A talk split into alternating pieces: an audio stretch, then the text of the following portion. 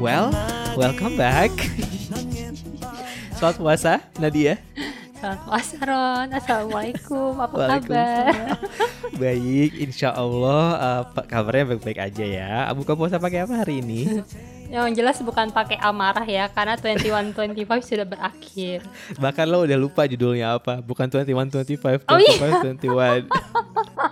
Dunia gue udah terbolak-balik sejak itu. ya kan, lo pengen melupakan kan kalau lo pernah nonton drama ini dan lo pernah mendedikasikan waktu buat drama ini kan iya, sebenarnya. sel-sel memori gue sedang bekerja untuk penghapusan memori. delete all. Gimana tapi perjalanan healing lo? Cukup uh, dua mi- uh, minggu, minggu kemarin kita nggak siaran, nggak rekaman, nggak siaran. Gimana udah cukup membuat lo bisa move on? Karena di sosmednya ngedrakor nih masih banyak mention, masih banyak setiap kali update masih banyak yang kayak em, belum move on, masih banyak yang bilang kayak belum bisa mulai drama baru lagi, masih kayak kena mental gitu. Kalau memang mungkin kena mentalnya berlebihan guys, aku sarankan eh, jadwal ke psikiater atau ke psikolog ya, ke terapis Wah. supaya bisa lebih healing gitu. Kalau lo gimana perjalanan lo? Asli sih gue nggak tahu ya pada nyadar apa enggak gue nggak pernah lagi ini nggak buka-buka medsos gue. Jadi gue biarin aja tuh nggak tahu udah numpuk atau apa. Karena tiap misalkan lewat nih postingan soal uh, 2521 gue tuh kayak tiba-tiba tuh ketusuk lagi gitu loh. Perasaan yang tidak nyaman dan sebel ini tuh gak enak banget. Apalagi kan di bulan apa di bulan Ramadan ini kan kayak menguji kesabaran gue banget akhirnya ya udahlah gue tutup dulu aja sosmed gue Kemarin tuh gue dengerin uh, space-nya Dr. Jimmy Adrian yang dia bilang kayak trauma itu reaksi dari tubuh lo ketika lo dapet trigger gitu. Jadi kalau tiba-tiba mulas, tiba-tiba kayak Hmm. pusing, berarti oh Anda sedang trauma. Mual-mual keliang Eh, saya sebagai wartawan mendengar kata wartawan ini udah trauma. Gara-gara Becky Jean, hmm, terima kasih loh. Saya udah gak mau nonton Anggar lagi. Kalau nonton Anggar tuh rasanya tangan saya gemeter gitu. Eh, tapi emang sih gua gua akui ini nggak bisa dibiarkan sih sebenarnya. Jadi gue juga sama kayak lo kayak aduh gue nggak pengen nonton drama Korea dulu deh gitu. Akhirnya gue mengisi hari-hari gue dengan eh eh, enggak sih nonton drama Korea tetap sih tapi genrenya beda. ini gue harus bilang, ini gue harus bilang lo harus nonton Semantic Error guys. Eh buat yang suka BL lo harus nonton Semantic Error itu kayak wah happy sekali dunia ini. Gak ada teori-teori macem-macem, gak ada yang eh, apa siapa yang mau mati atau apa bahagia aja pokoknya. Silakan nonton Semantic Error di em, nontonnya di Viki. Tapi belakangan ini gue lagi nonton Moon Knight. Hari ini episode baru keluar nih Moon Knight di Disney Plus gitu. Dan itu kan nggak drama Korea ya gitu Hmm. Tapi bener-bener kayak gue harus melakukan sesuatu untuk bisa eh, lupa kalau gue tuh udah invest banget buat 2521 gitu. Sampai akhirnya eh, ketika kita udah harus rekaman lagi baru kita diskusikan kita mau nonton apa gitu. Iya, lo mau nonton apa? Bahkan banyak banget yang gue lempar kan ke lo Bahkan yang waktu lo ngasih tahu gue yang apa eh, nominasi Beksang ya. Terus gue lihat apa salah satu nominasinya di Best Drama 2521 gue kayak apa? iya iya iya bener. Gue tuh kesel banget tahu yang Baeksang itu kayak harusnya emang drama ini nggak usah deh dapat eh, nominasi apa pun dalam hal cerita gitu ya. Tapi mereka masuk sih untungnya best drama. Untungnya nih gue bilang karena eh, iya well gitu kan kayak eh, secara rating mungkin tidak tidak menipu ya gitu maksudnya drama ini banyak dibahas banyak dibicarakan gitu maksudnya mungkin secara produksi pun sebenarnya bagus gitu Iya. secara secara uh, looks dan visual mungkin bagus gitu tapi gue bersyukur banget sih drama ini nggak dapat nominasi best screenplay karena oh kayak iya itu jelas. itu yang paling gue tentang. Kalau misalkan uh, aktor atau artisnya dapat apa penghargaan atau apa gue dukung Iya, emang uh, bagus keren. Kim Terry dapat nominasi kan back actress best Hmm. actress terus uh, penulisnya aja nih bermasalah gitu. pemeran Jiung juga dapat best new actor gitu jadi ya bener kalau yang itu kita apresiasi ya karena mereka m- tampil dengan baik gitu tapi secara Hmm. cerita Cakanim Miane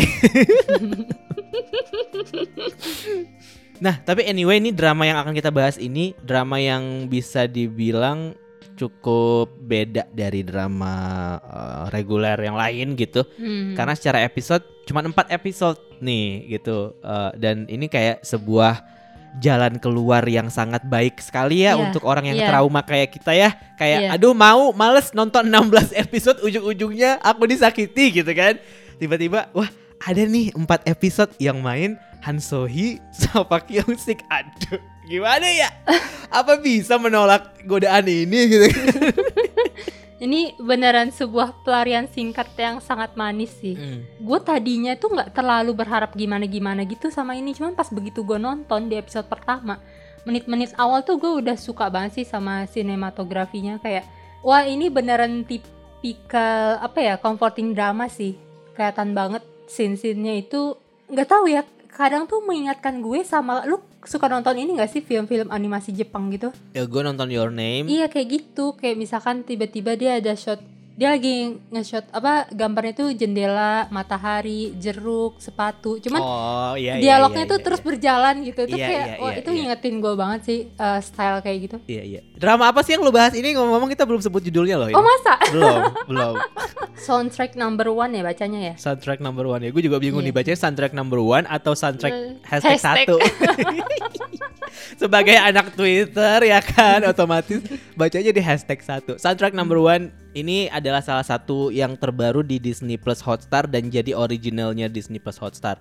Dan uh, fun fact juga drama ini selain memasang Park Hyung Sik sama Han So Hee yang mana sebelumnya populer banget lewat drama yang berbeda juga. Kita baru move on dari Happiness kemarin kan Park Hyung Sik di situ Mhm. yang kayak oh, oh Nadia bu- bucin banget sama Hyun iya gitu. iya iya. Yang kayak semua orang juga bucin banget sama Hyun Sebom gitu. Terus uh, Han So Hee juga kemarin di My Name nggak mengecewakan sama sekali penampilannya. Walaupun ya kita masih juga teringat adegan kematian di mobil yang sangat bodoh itu gitu kan. Dan ketika mereka main di romcom kayak gini, jujur gue nggak bisa nolak sih. Nah, gue awalnya tertarik karena emang episodenya singkat. Balik lagi karena Hmm. attention span gue lagi nggak lagi nggak bisa fokus Hmm. banget gitu kayak Masih terguncang lah masih ya. terguncang dia, bisa itu itu bener banget masih terguncang untuk kayak 16 episode tuh kayak gue belum bisa gitu.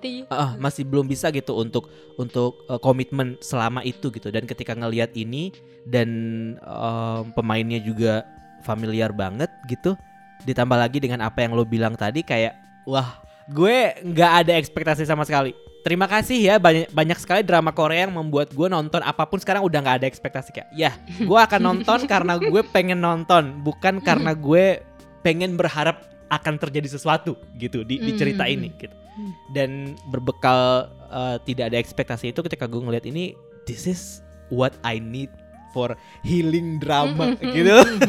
Nggak ada tuh dialog-dialog yang kayak aku ingin mengubah hidupku yang uh, tragedi menjadi komedi atau apa pun yang padahal ujungnya tragedi juga hidup lo gitu kan. Mm-mm. kalau yang ini ya uh, dimulai dengan kisah cinta one sided dan ya udah gimana nantinya? Hanya Tuhan yang tahu. Gak tahu ya lu inget apa enggak waktu pas uh, awal-awal happiness kelar lah terus muncul berita ini kan. Ya gue sama lu pernah bahas juga gak sih kayak Iya terus gue bilang aduh gue masih nggak rela nih lihat Hyungsik sama cewek lain Iya, gitu iya, selain iya, iya, gue ingat, gue gue gitu kan.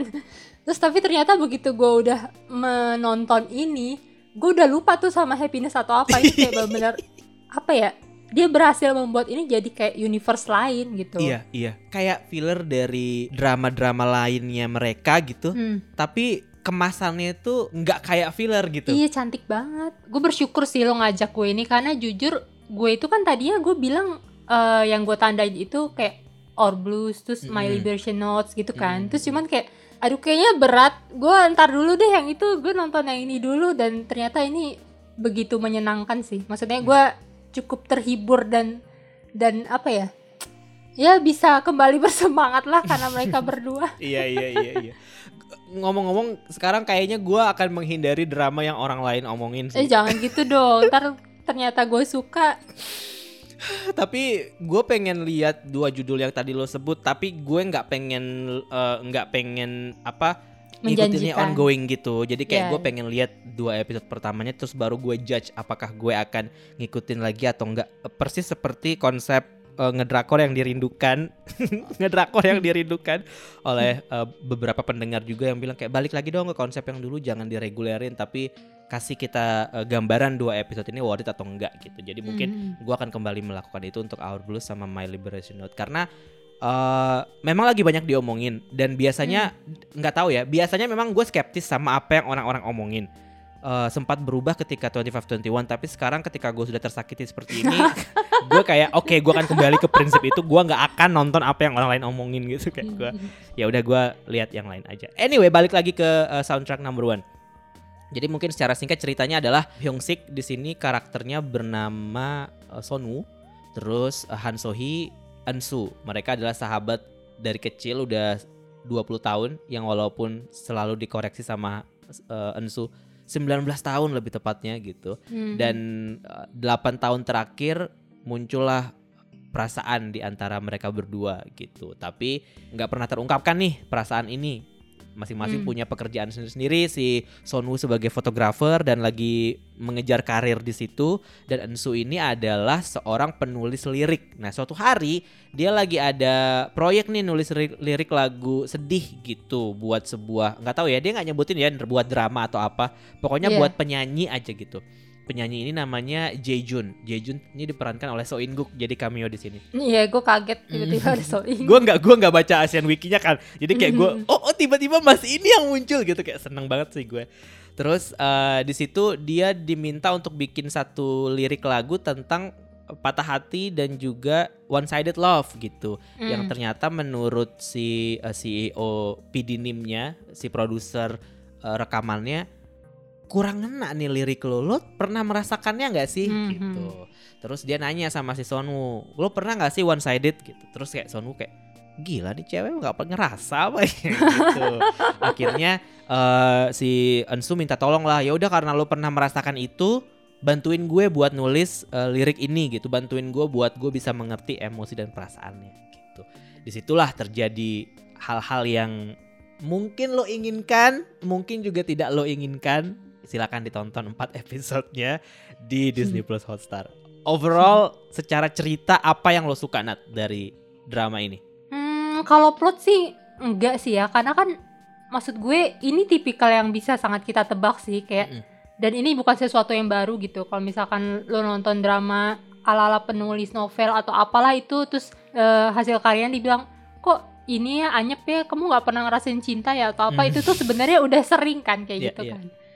Cuman ya itu tadi yang sempat gue mention gimana cara cerita yang dalam tanda kutip biasa ini dikemas jadi seuwu, sehangat dan semanis itu yang Hmm. bikin gua ngerasa kayak wah nggak kerasa ya ternyata tiba-tiba udah abis aja gitu.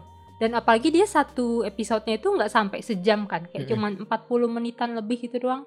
Dan apa ya, ya menyenangkan sih. Gue sangat ngerekomenin ini buat orang-orang yang lagi yang lagi males gitu dengan drama-drama berat, apalagi yang setelah kecewa dengan uh, 2521. Ini salah satu drama yang cocok buat nyembuhin dulu lah, eh, ngerem dulu lah, jangan-jangan ikutan ke drama-drama yang berat lagi dulu gitu. Hmm, jangan ujung-ujung nonton 39 juga gitu ya. Nanti kasihan kejiwaan lo. Gue jadi inget satu tweet. Bentar, ini agak gak nyambung sih bukan ngomongin drama Korea juga, tapi karena gue nonton jadi eh, gue harus kasih tahu ini. Jadi eh, di satu tweet Thai Fest d- eh, serial Thailand ada yang ngepost eh, screen caps dari I Told Sunset About You, enggak dari eh, I Promise You the Moon. Terus ada yang nanya, "Ini drama apa?" gitu. Terus dibales sama orangnya. Eh, gue nggak mau kasih tahu lo demi kesehatan mental lo. Biar lo nggak nonton. Itu adalah jawaban gue sekarang untuk orang-orang yang nanya eh, 2521 menurut lo gimana? Kayak mendingan lo nggak usah nonton. Karena drama itu Wah, eh, sorry, ini kita udah bahas soundtrack number one tapi tetap aja gitu ya. Maksud gue, drama itu tuh eh, adalah drama yang memang enak ditonton pas ongoing gitu, bukan Hmm. drama yang yang bukan drama menyenangkan yang lo tonton untuk di binge watching gitu loh. Jadi kayak Hmm, setiap kali hmm. orang nanya ini bagus atau enggak, gue akan bilang jangan ditonton deh. Sayangi dirimu, love yourself. Kita kita perlu ini gak sih melakukan apa permintaan maaf untuk menyeret orang-orang menonton drama Mungkin- menyakitkan itu. Mungkin, mungkin iya, tapi di saat yang sama juga pilihan selalu ada di tangan Anda ya kan? Iya, dan, dan kita juga korban ya. ya, kita juga korban langsung playing victim. tapi gue setuju sih sama lo kalau eh, apa soundtrack number one ini cocok untuk peralihan gitu, karena secara durasi juga gue suka banget durasinya itu pendek gitu ya, bisa Hmm, dibilang sebenarnya ini durasinya durasi series barat banget sih. Durasi em, normalnya serial Amerika gitu, 45 menit gitu kan. Satu satu episode. Dan di selama satu episode itu gue tidak merasa ada bagian yang bertele-tele. Mungkin Iya, iya. karena mungkin karena kita udah tahu ini akan empat episode gitu ya kita udah bisa menangkap bahwa ini akan to the point gitu yang gue suka adalah ketika gue nonton episode 1 gue tuh nggak punya banyak pertanyaan soal backstory masing-masing karakter gitu. Mm-mm. karena ini tuh Iya. kan ibarat nonton episode 1 tuh kayak kita udah nonton episode 13 gitu kan. Dan kita udah tahu ini akan berakhir di episode 14 eh 15 gitu 16 gitu berapa lah gue lupa hitungannya. Tapi pokoknya di episode 1 itu kayak gue nggak perlu tahu backstory si uh, Ensu gue cuman cukup tahu dia Ensu oh dia pernah punya mantan pacar yang si uh, apa Son Woo-ni nggak suka gitu menurut teman-temannya mantan pacarnya nggak pernah beres. Kenapa sih? Han Soi selalu cari peran yang kayak gitu ya. Mohon maaf nih. Kenapa Mantan ya? Yang sebelumnya kayak songkang deh. oh bener juga sih. Iya juga sih. Kan sempet uh, mention ini juga kan drama apa zombie dan Zombie, drama iya. balas dendam Iya, mereka. bener bener bener lo tuh mau nulis soundtrack buat drama cinta ya kalau kebanyakan nonton drama zombie sih gitu kan Hmm. dialognya gue inget tuh Iya, itu. gue sempat baca sih di review orang gitu dia bilang eh, dia menyayangkan kenapa ini cuma 4 episode padahal mungkin bisa ditambah untuk background story-nya masing-masing mereka dulu kayak gimana tapi jujur menurut gue pribadi 4 episode ini udah sangat cukup loh maksud gue Mm. ya sama kayak lo gue ngerasa gue udah cukup tahu kok background mereka kayak gimana dari dari cara mereka berkomunikasi sekarang gue bisa ngebayangin sendiri dulu tuh mereka kayak gimana so sweetnya kayak jalan atau jajan ke mana-mana bareng berdua terus Hmm. ngomongin hal-hal sepele atau apa itu udah otomatis bisa kebayang sendiri gitu loh di otak gue Iya. Iya iya. Mungkin itu juga karena eh, kayak tadi yang lo bilang kali ya, mungkin karena memang topik drama ini tuh general, jadi sutradara dan penulisnya berpikir bahwa cerita ini tuh udah banyak dilihat di drama Iya, Korea yang iya, lain. Jadi nggak iya. usah lagi deh kita menceritakan itu karena orang pasti bisa membayangkan dan bisa menebak apa yang terjadi di masa lalu gitu. Apa yang membuat si sahabat ini akhirnya suka sama sahabatnya gitu kan. Mm-mm. Akhirnya mereka mikir, ya udah kita ambil satu rentang waktu yang singkat, kita explore aja di situ dan di situ uh, big momennya semua terjadi di situ gitu. Dan Iya, menurut iya. gue itu itu uh, sebuah treatment yang sangat-sangat cerdas dan oke banget Iya, sih. Iya, Jadi bener. kayak kita nggak perlu dapat overthinking berlebihan, menye-menye berlebihan gitu. Karena well anyway happiness pun juga berangkat dari kisah masa SMA kan. Mereka Mm, eh, mm. cinta lama yang kemudian pelan-pelan tumbuh ketika mereka dewasa gitu ya sama kurang lebih kayak gini gitu dan buat dan gue yakin eh, Hyung Sik juga digayat buat masuk drama ini setelah Happiness gitu kan jadi ibarat kata orang yang udah nonton Happiness pun yang terus kemudian suka sama Hyung Sik mereka kan nonton ini gitu Mm. jadi ya udah ngapain kita harus repot-repot ceritain lagi per- permasalahan masa lalu orang-orang ini gitu. Dari Hmm. dialog-dialog singkat antara mereka, dari bagaimana mereka Han Sohee sama Hyung Suk di sini gue suka banget sih sama chemistry-nya. Iya, Dan iya. Iya benar. bagaimana Han Sohee ngebawain karakter Ensu pun kayak kita cukup tahu nih cewek ini emang uh, happy go lucky girl gitu yang yang yang nggak punya terlalu banyak drama hidup gitu. Dan dia kaya raya juga rumahnya besar gitu ya. Iya, Ngomong-ngomong rumahnya besar banget gila. Gue kayak rumah lu kerja apa sih? Rumahnya gede banget gitu. Dan tapi itu cukup membuat gue tidak penasaran gitu dengan semuanya bahwa oh dia orang kaya. Oke cukup berarti kehidupan dia nggak struggle dong ya nggak sih Mhm. oh orang tuanya di Jeju gitu setiap hari bisa ngirim eh, hasil perkebunan mereka oh orang kaya emang udah ket di situ. Dan kita nggak perlu lagi mikir kayak perjuangan hidup lo bayar kosan kayak gimana. Iya sih ini nggak bisa dibilang drama realistis juga sih. Karena kayak di universe ini tuh nggak ada kemiskinan nggak ada kejahatan gitu deh. Gue sempat mikir juga tuh kayak loh dia kan masih apa eh, penulis lirik lagu pemula kan? Yang kayak masih belum merintis punya nama. ya gitu. Terus tiba-tiba punya rumah sebesar ini kayak wah sungguh tidak drama Korea pada umumnya Iya sekali kan? gitu. Disney sekali ya memang. Kita nggak ada pertanyaan yang muncul bahwa kalau miskin tapi ha- handphone lo Samsung Galaxy terbaru tuh nggak ada di sini karena emang dia Hmm. orang kaya gitu. Orang ke supermarket aja mikir beli makanannya nggak pakai mikir. Ambil aja semuanya. masukin semua masukin udah. semuanya. Plak plak plak plak gitu. Mulai ya apa jiwa-jiwa Kismin ke penuh kedengkian. Iya kayak ke trigger aja gue kayak tapi ke triggernya gara-gara ya Allah kapan ya aku bisa fuck the price tag gini? gitu.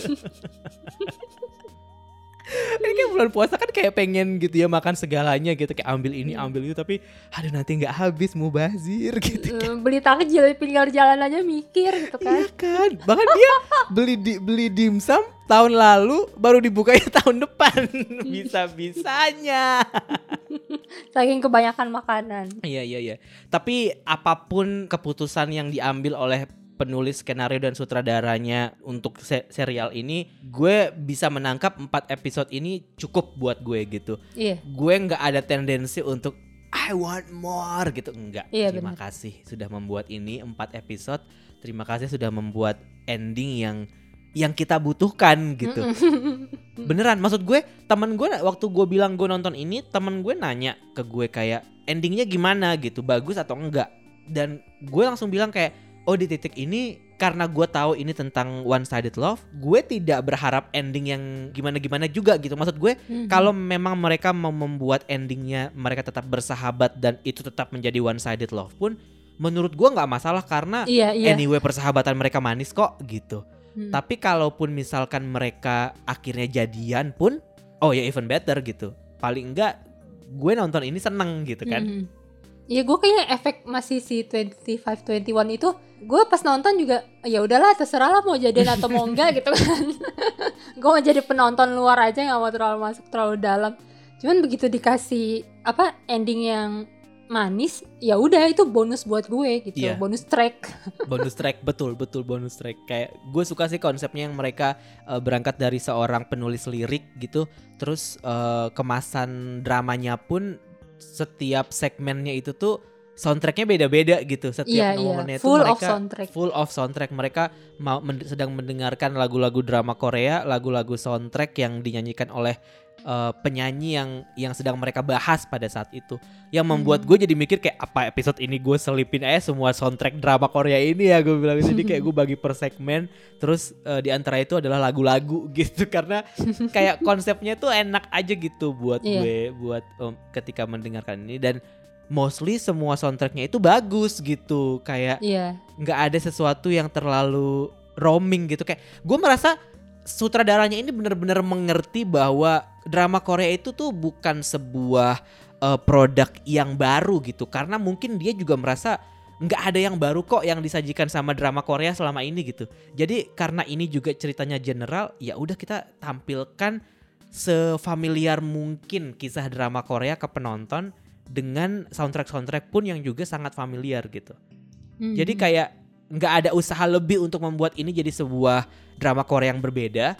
Tapi justru itu yang membuat drama Korea ini enak ditonton gitu. Mhm. nggak nggak ada hal-hal yang aku pengen anti mainstream ah gue mau Iya. bikin ini atau apa gitu enggak Mm-mm. ya ya sih gue juga su- sangat suka dengan apa ya menurut gue eh, cara bercerita si sutradara dan penulisnya di sini tuh sangat efektif kayak Mm-mm. tadi lo bilang kayak ya udah benar-benar dari awal sampai akhir tuh fokus di mereka berdua gitu nggak ada buang-buang waktu ke apa cerita-cerita karakter lainnya Iya. karena ya emang cuma empat episode sih kalau Betul, diselipin ini kebanyakan juga kayak aduh buang-buang waktu banget Iya, kalau kala- karakternya si eh, apa? Karakternya si Kim Ji Hoon diceritain panjang lebar tentang rasa naksir dia ke Ensu juga agak lama ya buat ininya gitu. Dia itu itu aja kan juga eh, udah udah naksir nih dari lama tapi di akhirnya kan secepat itu juga kan.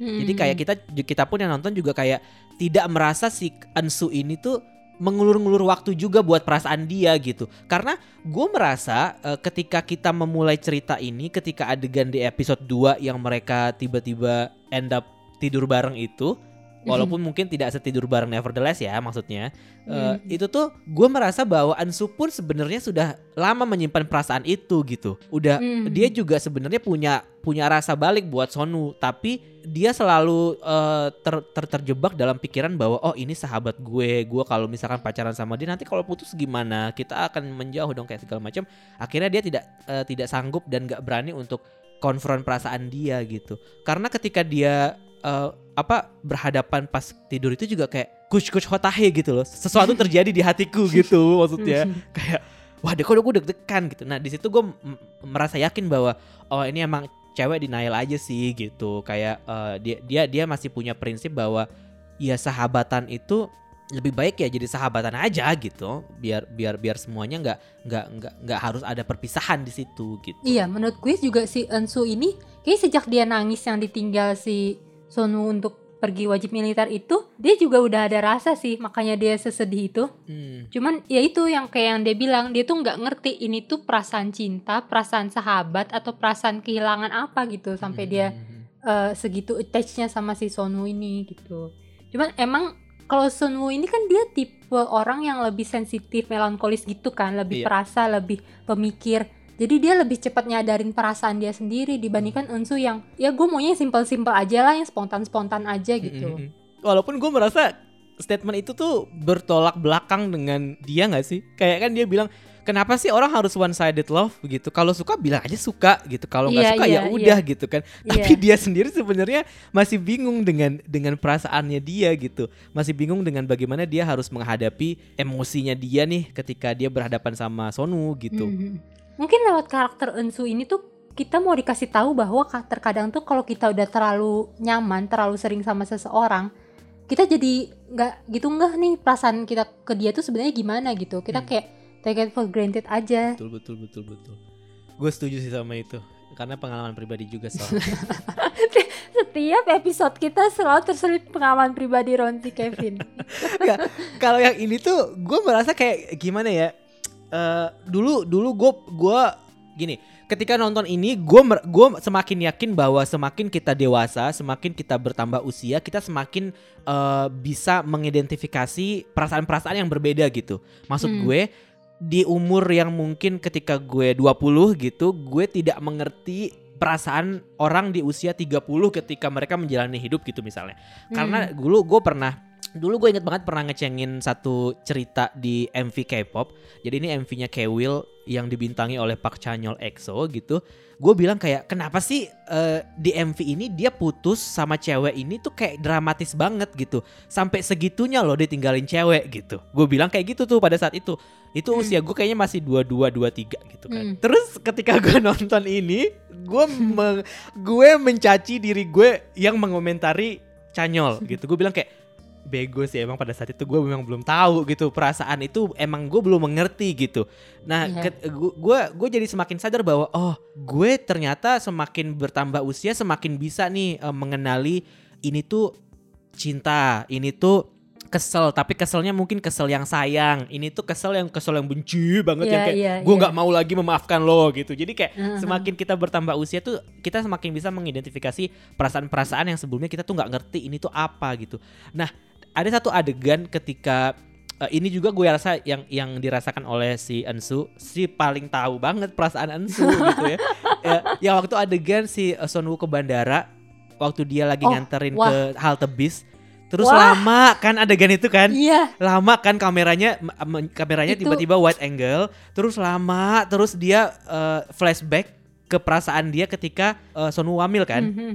Terus balik lagi ke masa sekarang kan Mhm. dan itu lu dari kamera yang menjauh itu lu bisa merasakan kekosongan tiba-tiba hampa banget. Iya kan? Hampa banget. ketika lo udah menghabiskan waktu selama ini sama orang terus tiba-tiba dia pergi jangan deh jangan deh kayak konteksnya bersahabat 19 tahun gitu lo didatengin sama temen lo deh seminggu gitu menghabiskan waktu sama-sama sama temen lo atau lo pergi berlibur deh misalkan ke Hmm, Bali hmm. gitu seminggu healing gitu terus hari terakhir lo udah sampai di bandara lo udah mau duduk terbang balik ke tempat kerja lo gitu ke realita lo lo pasti dia merasakan kekosongan yang aneh setelah liburan iya, gitu kan. Iya, iya. itu yang gue rasakan ketika gue nonton adegan itu dan gue kemarin baru nemu eh, istilah itu ada dalam bahasa Papua Nugini. Karena di bahasa Inggris itu tuh nggak ada eh, itu nggak ada istilahnya di bahasa Inggris. Di bahasa Papua Nugini itu perasaan yang apa kekosongan setelah lo abis ketemu sama temen lo yang tiba-tiba hilang sekarang mereka udah pergi lagi pulang lagi ke tempat mereka itu namanya awumbuk kalau di bahasa Baining itu bahasa Papua Oh. Nugini jadi ketika gue nonton adegan itu kayak I feel you Ansu. Wah asli sih adegan halte bus itu besin banget sih. Iya menurut gue. kan itu kayak Itu Nat kita terbaik. kita Nat kita harus bilang kalau kita nggak pernah diskusi sebelum rekaman dan kita selalu punya adegan yang wah iya banget gitu. Iya iya iya iya. gue udah nandain itu di catatan gue kayak adegan ini apa ya ngasih impact banget ke gue padahal kan gue tadinya nonton ini ya biasa aja gitu kan tapi pas adegan itu muncul tuh gue ngerasa wah benernya sih sutradaranya Vincenzo ini tuh keren banget sih. Kamera worksnya tuh bener-bener apa ya dari dia jalan perlahan-perlahan menjauhi be, uh, ke terus belakang, dia ya kan? Itu kayak orang linglung banget. Lu ngarep kayak balik gak sih, balik gak sih gitu ternyata kayak iya. Ternyata kan enggak gitu kan terus Iya, tiba-tiba itu satu tahun kemudian gitu. sih. Tumpah banget sih air mata gue di situ. Wah, itu beneran kayak sesimpel itu tapi bener kata lo itu impactful banget gitu. Gua nggak menyangka nih kalau empat episode ini tuh bakalan bakalan apa ngasih dampak Kesan yang- sebesar iya iya, kesan yang iya. semendalam itu gitu. Dengan catatan bahwa kita nggak tahu backstory mereka seperti apa sebelumnya. Kita cuman dikasih empat episode dan Hmm. kita nggak ada ekspektasi apa pun gitu. Jadi kayak ih gitu kayak ya Allah tolong satukan mereka lagi. tolong. Walaupun mungkin kalau misalkan mereka disatukan lagi dan dramanya 16 episode belum tentu juga gue akan nonton sih tergantung juga nih siapa penulis skenario nya. tetap ya sepet terus Tetap maksud gue kayak kalau kalau mereka mereka dicip di, di, di- disatukan dalam sebuah proyek kecil kayak gini lagi tapi ngena gitu yang konsepnya mini drama web series gini wah I'm down for it sih kayak gue akan nonton sih Iya. mau mau gimana pun Iya. juga gue akan nonton sih karena kayak dibandingkan dengan gue harus mendedikasikan waktu gue selama berminggu-minggu dan berjam-jam untuk drama yang pada akhirnya mengecewakan gue mendingan gue nonton drama yang pendek yang eh, kalaupun dikecewakan pun ya nggak apa-apa gitu Mm. karena mostly drama-dramanya Netflix itu kan gitu ya kayak cuma 10 episode tapi bahagia nggak nih endingnya puas nggak nih Hmm. endingnya nggak Hmm. juga kan kadang-kadang tapi ya nggak apa-apa gitu karena ya cuman 10 episode gitu cuman setengah jam Iya. setengah jam misalnya atau cuma 40 menit 40 menit gitu jadi nggak ada keterikatan yang berlebihan gitu dari dari yang kita tonton itu beda halnya sama drama Korea yang reguler gitu yang kayak satu setengah jam misalnya yang Besi punya gitu kayak Snowdrop kemarin gitu kan kayak waduh gitu sakit sih ini gitu apalagi yang Move on-nya 2521 susah. ini iya 2521 ini kayak udah gue invest waktu buat nonton, invest waktu buat rekaman, buat mikirin teori. Lah cerita lo jelek gitu kan kayak Mm. tolong lah.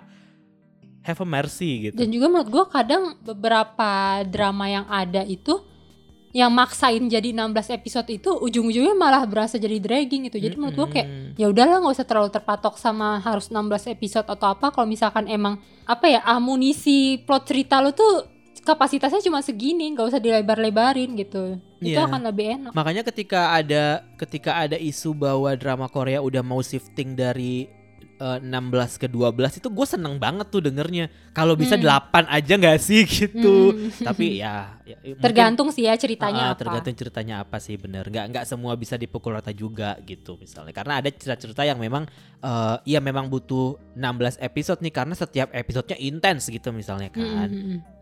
Nggak ya balik lagi deh. Nggak kayak yang kemarin gitu kan. Kayak, nah 16 episode tadi Dendam ini akan kubawa sampai liang. gue bawa sampai mati asli. Nanti dikubur gue tanggal 2521 beneran dah. Kesel gue Terus apa lagi? Ada adegan-adegan yang lo suka lagi nggak selain si bus itu? lo dulu bisa nggak? Gue suka eh, sama ini loh, pas mereka mereka tuh punya kebiasaan. Ya namanya temenan ya, sahabatan udah lama begitu juga, ya pasti tetap ada kesel-keselan lah ya. Dan mereka tuh selalu lucu gitu baikannya Iya, kayak iya, tiba-tiba iya, datang iya, ngasih iya. bunga nih aku udah nggak marah nih dia baikan kamu masih marah nggak? gitu. Itu kayak ini lucu banget gitu. Kalau mereka sampai nggak jadian tuh kayak buat apa kalian temanan selama ini? gitu. Iya iya. Iya itu lucu. Gue juga suka sih bagaimana em, season Wu menunjukkan perhatian-perhatian kecilnya gitu. Maksudnya kan itu obvious banget ya. Kalau lo Hmm. nggak naksir sama orang ya maksud gue lo temenan pun pasti ada batasan gitu perhatian Hmm. lo gitu kan. Eh, temenan pun tuh pasti ada batasan perhatian gitu. Apalagi kalau misalkan temen lo udah punya pacar gitu misalnya. Tapi Son Woo karena dia udah tahu perasaannya ketika si Ensu naksir orang ya dia frontal gitu. Kayak lo ngapain lo naksir naksir cewek yang gue taksir? gitu kan. Ketika Hmm. eh, dia dia konfront gitu gue suka sih perhatian-perhatian kecil yang yang pada akhirnya So- eh, Son Woo keluarkan tapi si Ensunya malah nggak sensitif gitu nggak nggak nggak menanggap itu sebagai sebuah perhatian yang cinta gitu itu gue suka terus lo apa lagi Hmm, Hmm, apa ya? Lebih ke gimana si penulis dan sutradara ini tetap nyelipin komedinya sih. Maksud gue kayak ini kan genre secara umumnya lebih ke romance ya. Mm-mm. Cuman lo nyadar gak sih kayak beberapa ini tuh tiba-tiba ada selipan komedi-komedi lucu yang yang menghibur Mm-mm. gitu. Yang tiba-tiba musiknya berubah gitu ya. Tiba-tiba. Iya, atau iya, iya. sekedar kayak misalkan apa ya? Gue sampai lupa. Cuman yang itu yang yang gue- waktu eh, pas adegan di episode 4 yang pas dia kira Sonwoo datang ternyata ibunya. Oh iya itu juga. Terus waktu Sunwo lagi curhat sama si pasangan pemilik restoran itu, yang pas dia habis ngeliat si siapa Unsu sama si Pidinim itu minum wine bareng, Iya iya iya iya. kan iya. dia bilang, oh ternyata dia mau ya udah kalau misalkan dia mau memilih untuk suka sama wine itu nggak apa-apa, gue dukung gitu. Terus si yang cowok pemilik restoran itu udah mau ngeluarin wine jadi nggak jadi. Iya iya gitu. iya iya dia masukin mainnya ke di, di diumpetin. Iya iya itu juga itu juga. nggak too Itu juga. much, cuman tetap bisa bikin cengengesan sih. Iya iya iya benar benar benar benar. Sama yang kayak adegan eh, jeruk keprok juga kan yang waktu dikasih di pas di kantor pidinimnya itu yang Iya iya. nggak itu ganggu sih itu itu ganggu sih tapi lucu sebenarnya. Tapi Hmm. tapi kalau di kehidupan nyata itu terjadi Iya, itu iya, ganggu sih. iya, iya, sama banget. Gue juga mikir itu di sini jelas-jelasannya lucu ya. Cuman kalau misalkan in real life ada orang kayak gitu, kayak ini orang kenapa sih? Iya nggak gitu? sopan gak sih gitu. Hmm. Tapi untung dia Yongsik ya tetap bisa dimaafkan. Jadi dibandingkan dengan peran-peran eh, Han Sohee yang kita udah bahas sebelumnya, gue suka eh, bagaimana dia bisa ngubah karakter Iya. dia di drama ini gitu. Gue tidak Mm-mm. melihat My Name di sini sama sekali. Hmm. Gue nggak melihat The World of the Merit, even Nevertheless gitu yang paling deket lah ya iba- ibaratnya. Gue sama sekali nggak ngeliat itu. Gue di sini Han Sohee beneran kayak bocah anjir kayak Iya, cewek kayak yang berbeda cewek banget. berbeda banget gitu dan iya Mbak makan apa sih Mbak kok cantik banget ya? Hmm, eh, parah parah. Gue juga dalam beberapa kali ya gue muji kecantikan dia selama nonton ini kayak, wah gila sih. Bahkan kan kita dimulai dengan dia memuji dirinya sendiri kan. dan dan gue nggak komplain gitu Nggak kayak ya komplain. Iya. Bahkan bahkan dia bangun tidur make upnya masih full aja gue nggak komplain sama sekali. Biasanya kan gue kayak gedek banget gue kalau nonton film Indonesia tuh misalnya kayak waktu itu gue pernah nonton film Mili dan Mamet gitu. Si eh, Sisi Priscilla baru bangun tidur, wah gila maskaranya cuy. itu gak bleber apa ketika dia tidur gitu. Tapi pas Han Sohee ketika dia bangun tidur kayak gue masih bisa melihat eye- eyeshadow dan glitter-glitter di wajahnya kayak nggak apa-apa, Glitter banget glowing kali. nggak apa-apa banget gitu karena apa ya kayak walaupun dia eh, apa make upnya itu dibuat se, se, se- se- apa ya se, seminimalis dan sesederhana mungkin lo masih bisa melihat bahwa itu bukan wajah orang bangun tidur gitu. Nah Hmm. kalau yang di film yang tadi gue sebut itu udah jelas-jelas itu tidak bukan wajah bangun tidur gitu karena memang memang tidak dibuat seperti itu. Tapi kok orang nggak nggak nyadar ya? Kok tidak berusaha untuk dibuat senatural mungkin gitu? Eh gue suka filmnya tapi detail-detail yang kayak gitu tuh ganggu aja buat gue gitu kayak bangun Padahal- tidur gitu. Padahal Han Sohee pas diwawancara bilang ini loh dia sengaja nggak ngeset rambutnya supaya terlihat lebih natural gitu. Mm-mm. Tapi ternyata kecantikan dia tetap tidak natural ya buat Iya. kita. karena terlalu apa pun yang cantik. lo lakukan Han Sohee lo Hmm. cantik udahlah Di atas gitu. rata-rata manusia normal. iya kan kayak wah ta- cuman gue bersyukurnya ya gue bersyukurnya eh, setelah The World of the Merit itu image pelakor itu tuh nggak nempel sama gue gitu gue Hmm, gue tuh gue bersyukur banget sih karena Iya. jujur li melihat wajah Han Sohee di di awal-awal post World of the Merit gue masih merasa ini cewek brengsek gitu gue masih merasa Hmm. dia perebut laki orang aja gitu Hmm, tapi hmm, uh, my name sih sebenarnya yang mengubah gue yang yang bikin gue jadi kayak oh dia lebih dari sekedar uh, pelakor itu gitu dan Hmm. abis nonton Nevertheless dan nonton ini wah gue makin suka nih sama acting dia dan gue makin Iya. makin merasa bahwa dia juga sedang mencoba untuk mencari proyek di mana dia memastikan memainkan karakter yang berbeda gitu. Iya iya benar. Iya kita berturut-turut empat drama dia kita bahas semua loh dan Mm-mm. itu semuanya menurut gue dia memuaskan sih di sana. Iya kan? Gue apa ya? Dia layak sih dapat award sih. Gue men- menanti dia mendapatkan award Iya iya. dan iya. gue sangat nunggu dia itu dapat peran eh, jadi cewek-cewek deso yang malu-maluin dan norak konyol gitu loh.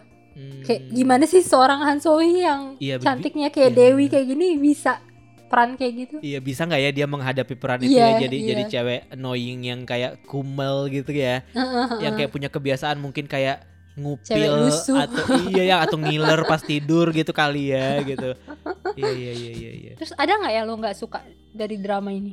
nggak ada sih jujur kalau kalau kalau mau mungkin mungkin detail-detail yang kayak gitu yang agak ganggu buat gue yang kayak tadi gue bilang itu kayak yang ma- masalah make up atau segala macam tapi secara cerita mungkin gue me- menanggapi ini sebagai sebuah tontonan yang udah gue nggak mau mikirin gitu kalaupun Iya, misalkan iya. ada yang gue nggak suka pun kayak ah, ya udah gitu karena itu tadi kayak acting mereka bagus banget nih berdua chemistry Mhm. mereka surprisingly bagus juga cuy Hmm, gitu. hmm, nggak hmm. nyangka gue kalau ternyata gue bisa lepas nih langsung dari uh, Iyon Sebom ketika ngelihat Mm, mm, uh, si uh, Ensu sama Sonwoo di sini gitu. Itu gue suka. Dan hal-hal lain yang mungkin membuat drama ini jadi terkesan jelek mungkin di mata orang, gue nggak akan mempedulikan itu sih. Karena menurut gue ada lebih banyak kemeriahan dan hal menyenangkan yang diberikan dibandingkan dengan gue harus mikirin jeleknya kayak gimana. Kalau lo ada nggak? Untuk drama ini sih nggak ada, cuman gue agak sebel sama karakternya si Pidinim si produser itu. Oh, kenapa tuh? Kayak Terlalu lemah atau gimana tuh? ini proyek belum mulai ya, baru habis meeting terus tahu-tahu dia nyatain perasaan kayaknya gue kalau jadi Seunsu ini gue diterima karena fisik gue apa gimana? Oh iya iya iya. Jadi jadi kayak maksud gue ya sabar kayak nunggu nih, omong cepet banget gitu ininya geraknya. Iya, Untung bener, bener, untungnya setelah setelah akhirnya ditolak baik-baik sama Unsu dia nggak bertingkah ya maksudnya. Iya. Maksud gue kayak tapi kesel juga kayak lah lu perasaan lu secetek itu nggak dalam apa gimana gitu maksudnya dia bener-bener kayak nembak tuh iseng aja gitu kayak kalau diterima ya udah kalau nggak diterima ya udah gitu gue no hard feeling cuman kan kalau misalkan untung Ensu juga tipenya nggak terlalu ambil pusing ya coba kalau misalkan Ensu itu tipe pemikir kayak Senwu gitu. Terus kayak ngerasa aduh gimana ya? Yaudahlah gue berhenti aja sekarang gitu. Iya, kan jadi nggak enak suasana kerja kalau misalkan udah ada kayak gitu. Gue sempat kepikiran juga sih yang bagian itu yang kayak eh, lah ini nggak profesional banget sih.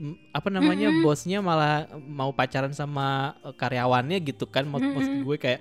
Tapi untungnya dia juga bilang kayak oh ya udah kalau ditolak juga nggak apa-apa gitu. Kita tetap bisa bekerja dengan baik juga gitu. Dan iya. maksud gue momen itu juga pada akhirnya leads uh, Ansu untuk bisa jujur kan bahwa sebenarnya gue nggak suka wine gitu. Dia ternyata ja- ternyata dia juga jadi lebih mengerti bahwa being people pleaser tuh jadi nggak enak. Ternyata selama ini malah jadi ngebohongin perasaan lo juga gitu. Dan dan momen Mhm. itu juga yang membuat membuat dia tuh jadi uh, sadar sama perasaan dia ke Sonwoo kan sebenarnya Mhm. jadi ya mungkin itu kali ya ininya eh, apa namanya yang bikin adegan atau karakter si bos ini jadi impas gitu bahwa oh Iya. dia melakukan itu karena itu adalah titik balik dari karakter Mau si mau. Ah, ah, si Anso ini gitu jadi ya udah deh nggak apa-apa gitu karena kan kadang-kadang eh, Hmm. pernyataan orang kayak maksudnya gue kayak nggak tahu ya kalau misal, misalkan ngomong ngo- ngomong soal real life gitu Eh, ketika orang menyatakan perasaan itu kayak apakah lo akan nanya eh, backgroundnya gitu? Kayak